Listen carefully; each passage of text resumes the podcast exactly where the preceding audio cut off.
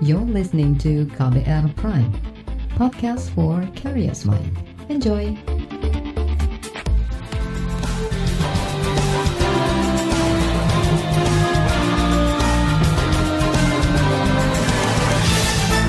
Halo saudara, senang sekali kami bisa menyapa Anda kembali dalam program KBR Sore untuk edisi hari ini Kamis 10 September 2020. Saya, Sindu Darmawan, akan menemani Anda selama kurang lebih 30 menit ke depan.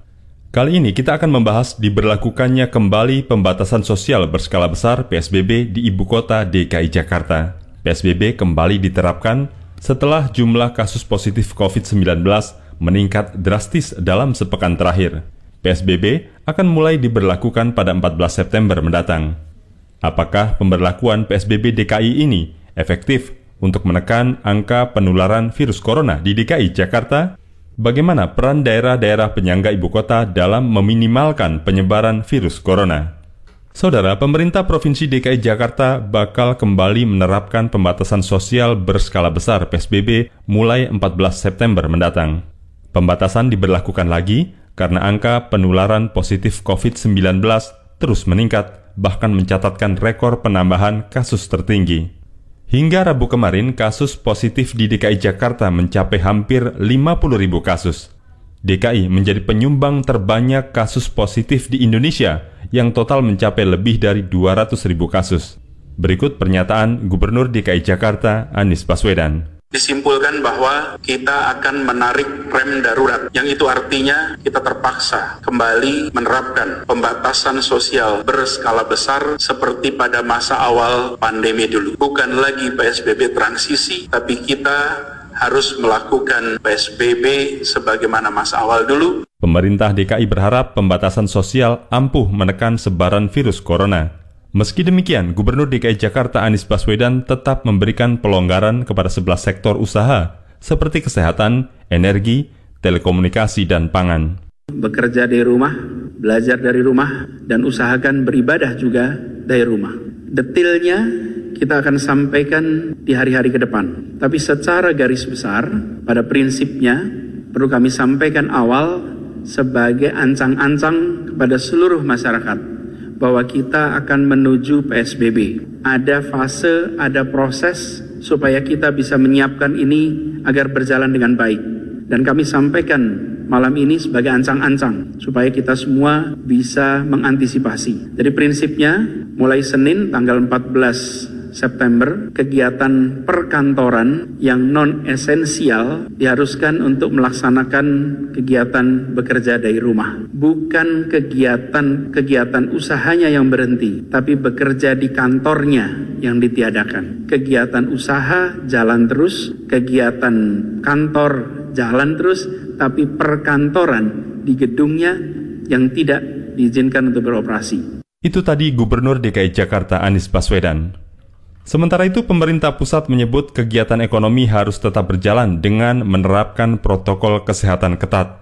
Pemerintah juga mengklaim akan menambah dan mempersiapkan perlengkapan serta tenaga medis untuk menangani peningkatan kasus di ibu kota dan sekitarnya. Berikut pernyataan Menteri Koordinator Bidang Perekonomian Erlangga Hartarto. Pemerintah pusat tadi memberi perhatian serius terhadap perkembangan situasi dan akan selalu meningkatkan kapasitas rumah sakit dan fasilitas kesehatan. Jadi peningkatan uh, rumah sakit dan fasilitas kesehatan itu uh, juga akan terus menambah fasilitas di uh, hotel termasuk uh, di memanfaatkan hotel bintang 2 dan 3 seperti yang dicontohkan di Sulawesi Selatan dan juga mempersiapkan ruang isolasi mandiri di Wisma Atlet di mana Wisma Atlet juga mempersiapkan uh, baik di uh, tower 5, 6 maupun yang khusus dari pekerja dari luar negeri itu adalah uh, tower 7 dan 8. Dan flat flat flat dan fasilitas ini juga mempersiapkan dari segi jumlah bed juga terus ditingkatkan dan di samping itu juga pemerintah mendorong agar rumah sakit-rumah sakit yang ada di DKI ataupun yang di Jakarta itu untuk dilakukan relaksasi terutama terhadap pasien-pasien yang uh, posisinya sudah hampir sembuh dan masih dalam tahap observasi Nah itu di uh, Wisma Atlet fasilitasnya tersedia. Kemudian terkait dengan ketersediaan obat-obatan baik untuk rumah sakit maupun untuk pasien isolasi mandiri, nah pemerintah sudah memper, memproduksi obat antivirus seperti Tamiflu atau Oseltamivir itu minggu depan juga bertambah hampir 480 ribu. Kemudian juga yang terkait dengan uh, Favipiravir ini kebetulan uh, patennya sudah lepas sehingga juga akan diproduksi oleh Kimia Farma. Kemudian eh, kegiatan-kegiatan produktif tentunya dilakukan dengan protokol kesehatan yang ketat dan pemerintah terus mendorong bahwa sektor-sektor produktif tetap berjalan dan menjaga eh, protokol COVID dan pemerintah mendorong yang namanya uh, kampanye untuk menjaga jarak dan uh, menghindari kerumunan ataupun ini yang sangat relevan terkait dengan uh, kegiatan pilkada ke depan. Nah, kemudian juga untuk pekerja di kantor pemerintah tetap berjalan sesuai dengan uh, peraturan yang diterbitkan oleh Kementerian Menpan RB sehingga pemerintah mengatur antara work from home dan work from office. Dan tentunya kalau untuk pekerja perkantoran tetap disiapkan uh, flexible working. Jadi ada yang kerja di rumah ada yang kerja di kantor.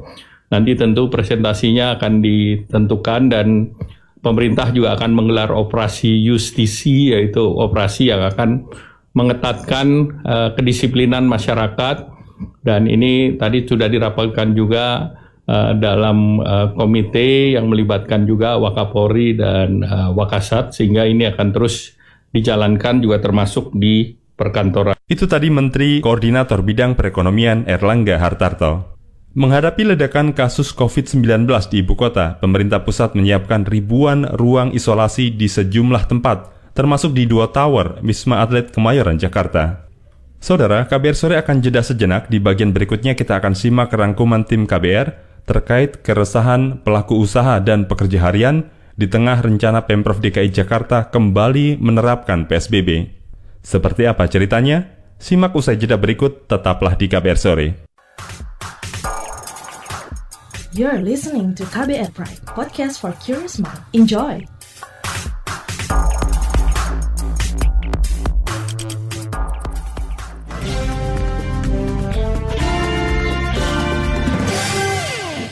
Rencana pemberlakuan kembali pembatasan sosial berskala besar PSBB di Jakarta membuat resah pelaku usaha dan pekerja harian. Apalagi masa transisi atau pelonggaran belum mampu mengungkit ekonomi seperti saat sebelum pandemi. Meski bakal tetap patuh, mereka khawatir dengan dampak dari penerapan PSBB total. Simak laporan tim KBR yang dibacakan Astri Yuwanasari. Saya sih belum begitu paham sih ya, cuma belum baru dengar tadi pagi. Ning, pedagang sayuran di Pasar Pondok Labu, Jakarta Selatan, belum mendapat pemberitahuan resmi dari pengelola pasar tentang rencana penerapan kembali pembatasan sosial berskala besar PSBB di Jakarta. Kebijakan yang bakal berlaku mulai 14 September itu baru didengarnya lewat obrolan sesama pedagang. Ning pasrah dan menyerahkan sepenuhnya pada keputusan Pemprov. Kalau saya mah mengikuti uh, peraturan yang ada saja, karena saya ini kan pedagang. Jadi mengikuti apa peraturan pasar aja gitu mbak. Yang penting selalu mengikuti prosedur, pakai masker, jaga jarak, selalu cuci tangan. Terbersit rasa khawatir di benak Ning, PSBB jilid 2 akan membuat pasar makin sepi pengunjung. Selama masa transisi saja, dagangan Ning belum selaris dulu. Pembeli yang datang belum signifikan bertambah meski pembatasan dilonggarkan. Padahal, Ning berjualan sejak pagi hingga sore. Ya mungkin kalau pasar makin sepi, orang nggak pada keluar rumah. Satu, kedua perekonomian perekonomian juga makin lumpuh. Kan orang pada nggak kerja. Jadi pasar terutama ya aturan mungkin dulu belanja banyak mungkin ya makin makin surut kan gitu mbak. Karena orang kantoran kan juga eh, nggak uh, masuk kan begitu kalau PSBB di DKI kan mayoritas orang kan pada kantor. Ning berencana menggenjot penjualan lewat daring jika PSBB benar-benar diterapkan. Ya ini kan nggak semua orang ya Mbak. Soalnya kan di sini kan nggak semua orang bisa mengikuti online. Ada yang bisa online, ada yang enggak kan gitu. Kalau saya terus terang kalau mengandalkan pedak uh, pembeli datang ke sini terus terang nggak cukup. Ya sementara dalam PSBB bisa belanja ke pasar lewat online. Pengumuman PSBB total di Jakarta turut meresahkan pengemudi transportasi online. Asosiasi Pengemudi Ojek Online Garda Indonesia meminta tetap diperbolehkan beroperasi jika PSBB diberlakukan. Mereka khawatir bakal sengsara seperti saat PSBB ketat April lalu yang menggerus pendapatan hingga 80 persen. Ketua Presidium Nasional Garda Indonesia, Igun Wicaksono, penghasilan kami sendiri akan anjlok kembali seperti yang pembatasan yang pertama. Jadi pada saat pembatasan pertama, penghasilan kami aja hanya tinggal 20-30 persen. Kita mengandalkan dari pesan layanan antar makanan dan kiriman barang. Nah, ini kami uh, prediksi juga akan berlaku sama di PSBB tahap kedua. Apabila pemerintah memutuskan melarang ojek online saat PSBB, Igun meminta ada jaminan bantuan bagi pengemudi yang terdampak. Apabila pun ada terjadi pelarangan ojek online tidak boleh membawa penumpang, kita mengharapkan adanya komunikasi dialog dan juga pemerintah memperhatikan pendapatan penghasilan ojek online ini yang hilang. Jadi adanya program-program bantuan sosial kembali bagi para pengemudi ojek online, baik dari pemerintah pusat maupun pemerintah daerah DKI Jakarta. Isman, pengelola Songo Cafe and Resto, bakal menunggu arahan rinci Pemprov DKI Jakarta tentang pemberlakuan kembali PSBB. Ia siap mematuhi apa pun kebijakan yang diputuskan. Ya kita ikut aturan pemerintah, Mbak. Kita taat. Kalau pemerintah ngajukan tutup, ya kita tutup. Kalau kita diajukan untuk take away, kita take away. Kita ikut aturan pemerintah aja, Mbak. Ntar kalau kita buka kan gak enak nanti. Nanti kalau Senin diperlakukan lagi, ya kita lihat rincian dari beliau apa, randomnya apa, peraturannya apa, ya kita laksanakan, Mbak. Isman tak menampik PSBB bakal membuat usahanya makin seret. Padahal, kafenya yang berlokasi di Kampung Makassar, Jakarta Timur itu baru saja mulai buka sejak PSBB transisi. Itu pun pendapatannya tiap hari hari belum normal seperti saat sebelum pandemi. Ia terpaksa merumahkan sebagian karyawan. Dapatnya juga cuma sejuta, enam ratus, lima ratus. Biasanya kita dapat sembilan juta, delapan juta. Karena memang kita batasi, Mbak. Kita batasi untuk malam minggu, kita memang ada live musik, tetapi dengan protokol kesehatan tetap kita jaga. Apa, meja kan kita ada hampir 50-60 meja. Paling kita masukin cuma 15 meja, kita nggak full banget. Akhirnya budget kita, tadinya kita bagus, ya paling semalam minggu cuma dapat satu juta lima ratus nggak nggak banyak. Ya hmm. kita cukup buat bayar gaji karyawan karena kasihan ya karyawan tuh pada nanyain kerjaan kerjaan ya udah kita buka aja. Ini pun karyawan udah kita rumahkan sebagian. Acara live music di kafe tiap pekan juga bakal di stop jika PSBB diterapkan. Namun sajian itu masih bisa dinikmati para pengunjung malam minggu besok. Kalau itu ya, ya nggak kita adain mbak. Nanti kalau ada kan orang pada datang dudukan kan nggak enak juga. Gitu. uh, tetap live musik nanti kita stop kita ikut. Kalau malam minggu besok kan belum tuh ya. Belum belum tanggal 14. Uh, mungkin besok malam minggu mungkin kita masih ada sedikit musik ya karena 14 berlakunya mbak ya kalau nggak salah ya. Uh, uh, ya mungkin nanti kita audiens ke uh, Songo Lesiusnya ke anggota kafe yang yang yang hobi nongkrong di kafe Songo itu ya kita kasih tahu nanti di situ juga kita kasih umuman bahwa ikuti peraturan pemerintah kita tidak ada lagi live musik bla bla bla bla gitu aja gitu mbak. Demikian laporan tim KBR saya Astri Yuwanasari. Di bagian berikutnya kita akan simak pernyataan dari pemerintah daerah penyangga ibu kota Jakarta menanggapi rencana Pemprov DKI kembali memperlakukan PSBB. Bagaimana bentuk koordinasinya? Kebijakan apa saja yang dikeluarkan oleh masing-masing Pemda itu untuk mendukung suksesnya PSBB Jakarta dan penurunan kasus? Kami segera kembali. You're listening to KBR Pride, podcast for curious mind. Enjoy!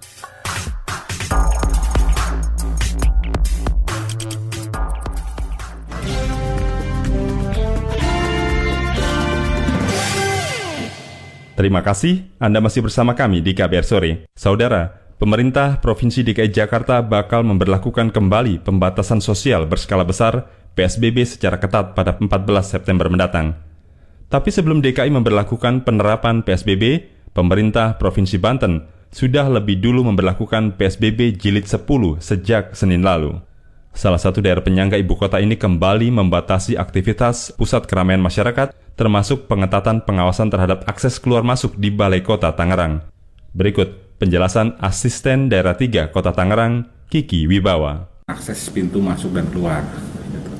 Saat ini kami mencoba menambah uh, apa namanya meja pemeriksaan protokol kesehatan. Yang pertama itu di lobi BPKD, ya, disertai dengan penempatan personil petugasnya. Kemudian ada apa namanya termogan, ada hand sanitizer dan juga tempat cuci tangan. Begitupun kita tambah di lobi Bapenda, arah lobi Bapenda. Termasuk kita tambah satu lagi, jadi semuanya ada tiga di depan lobi TLR. Semata-mata kami eh, apa namanya tempatkan meja pemeriksaan untuk penerapan protokol kesehatan itu adalah untuk memperketat, ya, memperketat penerapan terkait dengan protokol kesehatan. Itu tadi asisten daerah 3 Kota Tangerang Kiki Wibawa. Di daerah penyangga ibu kota lainnya, yaitu pemerintah Kota Depok juga memperlakukan kebijakan pembatasan aktivitas warga atau jam malam. Aktivitas masyarakat dibatasi hingga pukul 8 malam guna menekan laju penularan COVID-19. Berikut pernyataan Wali Kota Depok, Idris. Ya, memang masyarakat sebelumnya sudah terbiasa untuk hidup normal, eh, apalagi beraktivitas di malam hari ketika uh, ada kasus-kasus yang relatif peningkatannya cukup tajam, sehingga saya terpaksa untuk mengeluarkan uh, aturan ketentuan uh, apa pembatasan uh, kerja-kerja mereka dan usaha-usaha mereka dan pembatasan aktivitas warga. Hmm. Ya, kalau usaha itu jam 6, jam 6 sore, kalau warga itu jam 8, jam 8 malam. Hmm. Itu yang kita lakukan. Evaluasi selama sepekan ini memang masih banyak uh, warga yang belum yang belum tahu. Tapi memang target kita bagaimana uh, masyarakat uh, bisa lebih aware lagi okay. terhadap kondisi terakhir uh, perkembangan uh, peningkatan COVID-19 di Kota Depok khususnya dan di beberapa wilayah di Jabodetabek. Sebenarnya tujuannya itu uh, uh, uh, seperti itu. Wali Kota Depok Idris mengatakan pembatasan aktivitas warga hingga pukul 8 malam juga dibarengi dengan tes COVID-19 terhadap warganya. Iya, uh, selama lima hari ini memang uh, kita barengi tidak hanya pembatasan aktivitas masyarakat, tapi kita juga barengi untuk peningkatan pemeriksaan tes web PCR-nya. Okay. Baik di perkantoran, di pemerintah kota Depok sendiri, instansi vertikal, dan di beberapa kegiatan-kegiatan masyarakat.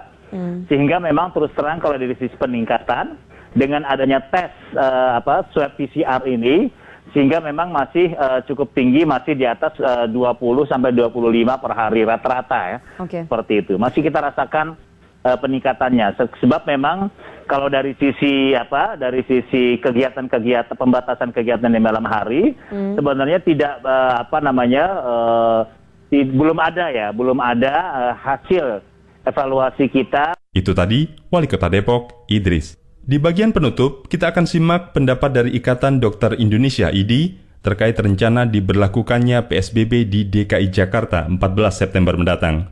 Apa saja masukan dari IDI kepada pemerintah terhadap rencana penerapan PSBB tersebut? Simak usai jeda, tetaplah di KBR Sore. You're listening to KBR Pride, podcast for curious mind. Enjoy!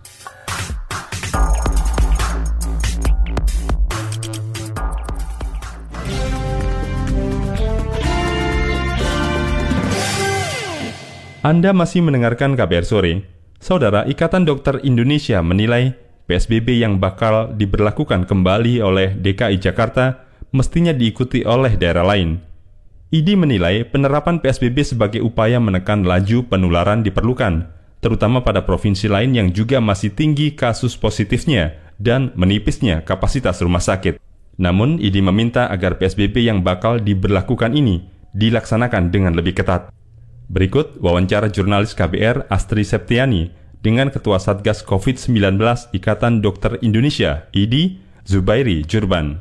Prof. DKI Jakarta kembali akan memperlakukan PSBB ketat seperti awal masa pandemi. Bagaimana pendapat Prof. Zubairi terkait hal ini?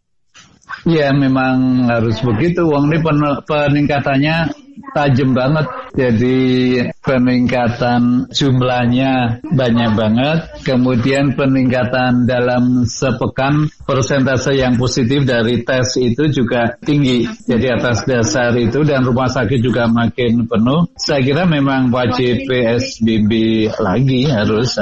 Jakarta sebagai ibu kota kan banyak terjadi lalu lalang manusia, terutama dari daerah sekitar seperti Jawa Barat begitu Prof. Apakah kemudian daerah lain juga perlu menerapkan PSBB seperti Jakarta? Dan apa sarannya supaya upaya menekan penularan kali ini bisa menyeluruh begitu dan efektif tidak cuma di Jakarta saja? Kan pertama memang PSBB, jadi PSBB kan mestinya dibatasi, nggak boleh orang keluar masuk Jakarta. Kalau mau PSBB lagi ya harus konsekuen, artinya orang keluar Jakarta ya nggak boleh dulu, orang masuk ke Jakarta juga nggak boleh. Terus apakah provinsi lain juga harus mirip Jakarta? Iya banget. Kok iya banget? Karena ternyata banyak provinsi lain lebih tinggi persentase positifnya. Jadi jumlahnya memang lebih sedikit. Tapi kalau misalnya periksa 100, periksa 1000 itu yang positif di luar Jakarta itu 19,6 persen. Jakarta kan tadinya 5 persen bagus, kemudian naik 8, naik 10. Sekarang Jakarta 12,2 persen. Itu jelek karena itu harus PSBB ulang. Nah rata-rata Indonesia, rata-rata angka nasional seluruh Indonesia bukannya 12,2 lebih tinggi lagi 19,6 persen karena itu karena persentase kasus positif dalam sepekan terakhir persentasenya meningkat tajam maka memang perlu tanggap darurat segera para gubernur itu. Pertambahan kasus COVID-19 juga masih banyak, Prof, tiap harinya. Saat ini bagaimana sebenarnya kondisi ketersediaan tenaga kesehatan dan juga rumah sakit, terutama di daerah eh, yang banyak terdapat positif COVID seperti di Jakarta? Apakah masih cukup begitu untuk melayani eh, para pasien begitu? Kalau Jakarta jelas banget yang saya tahu persis Jakarta makin lama makin penuh. Sekarang ini misalnya di tempat saya bekerja ada positif, kemudian harus diop nama, tempatku udah penuh. Tapi kalau merujuk ke rumah sakit rujukan lain juga sukar banget nyari hampir semuanya penuh. Jadi memang kondisi rumah sakit-rumah sakit rujukan di Jakarta bisa dikatakan penuh. Bulan depan apalagi karena itu kan gubernur bilang setelah tanggal 17 bahkan kemungkinan kolaps kita layanan kesehatannya. Bagaimana di tempat lain sama harus ditambah rumah sakitnya. Yang kedua dari yang sudah ada tambah lagi bednya, tempat tidurnya. Nah, kalau nggak ada ya bikin lagi ruangan bangun gedung baru. Kalau nggak ada juga, ya buka rumah sakit baru, rumah sakit lain yang tadinya non rujukan dibikin rujukan. Jadi mohon pada para gubernur untuk meningkatkan tes swab per hari. Secara keseluruhan, apa rekomendasi dari ID kepada pemerintah terkait upaya menekan laju penularan COVID-19? Iya kan dulu kita sepakat PSBB, kemudian terbukti bermanfaat yang masuk rawat rumah sakit eh, yang makin lama makin sedikit. Tapi sekarang eh, terbukti meningkat tajam. Ya udah diberlakukan seperti awal dulu. Jadi harus jauh lebih ketat dari sekarang. Lebih ketatnya ya yang pakai masker harus didisiplinkan. Kalau kantor ya yang udah terlanjur buka ya harus dievaluasi. Kalau perlu tutup lagi kayak Jakarta kan sekarang Jakarta hampir semua kantor disuruh tutup kecuali hanya belasan aja yang tertentu yang memenuhi syarat dan memang diperlukan untuk masyarakat banget. Di luar itu tutup. Jadi ada keputusan gubernur yang bisa dikatakan amat drastis untuk mengurangi kenaikan jumlah COVID-19. Itu tadi Ketua Satgas COVID-19 Ikatan Dokter Indonesia IDI, Zubairi Jurban.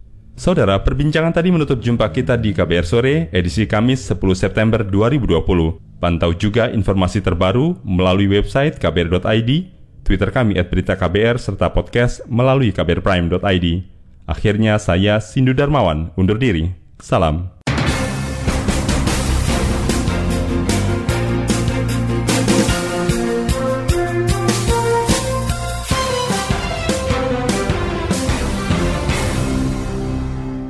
KBR Prime, cara asik mendengar berita.